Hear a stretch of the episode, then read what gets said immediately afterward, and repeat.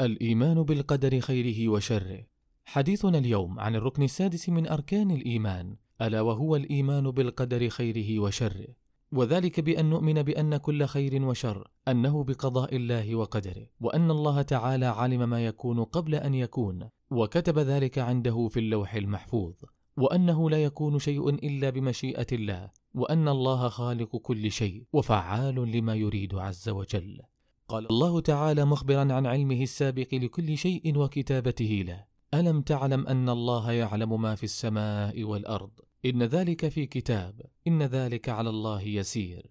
وعن عبد الله بن عمرو بن العاص رضي الله عنهما قال سمعت رسول الله صلى الله عليه وسلم يقول كتب الله مقادير الخلائق قبل أن يخلق السماوات والأرض بخمسين ألف سنة. قال وعرشه على الماء. رواه مسلم. وقال تعالى مبينا مشيئته النافذة في كل شيء وما تشاءون إلا أن يشاء الله رب العالمين. وقال سبحانه موضحا أنه خلق الكائنات وأعمالهم والله خلقكم وما تعملون.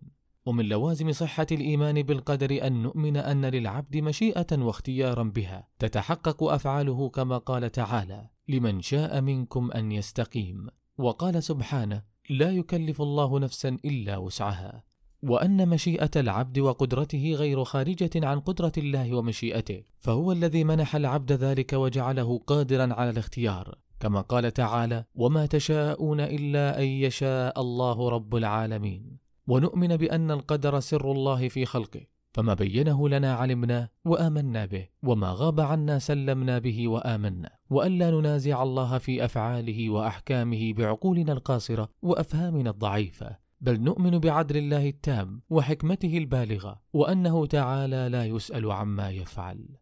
نسأل الله الكريم أن يقدر لنا الخير ويهيئ لنا أسبابه ويرزقنا الرضا به والطمأنينة له.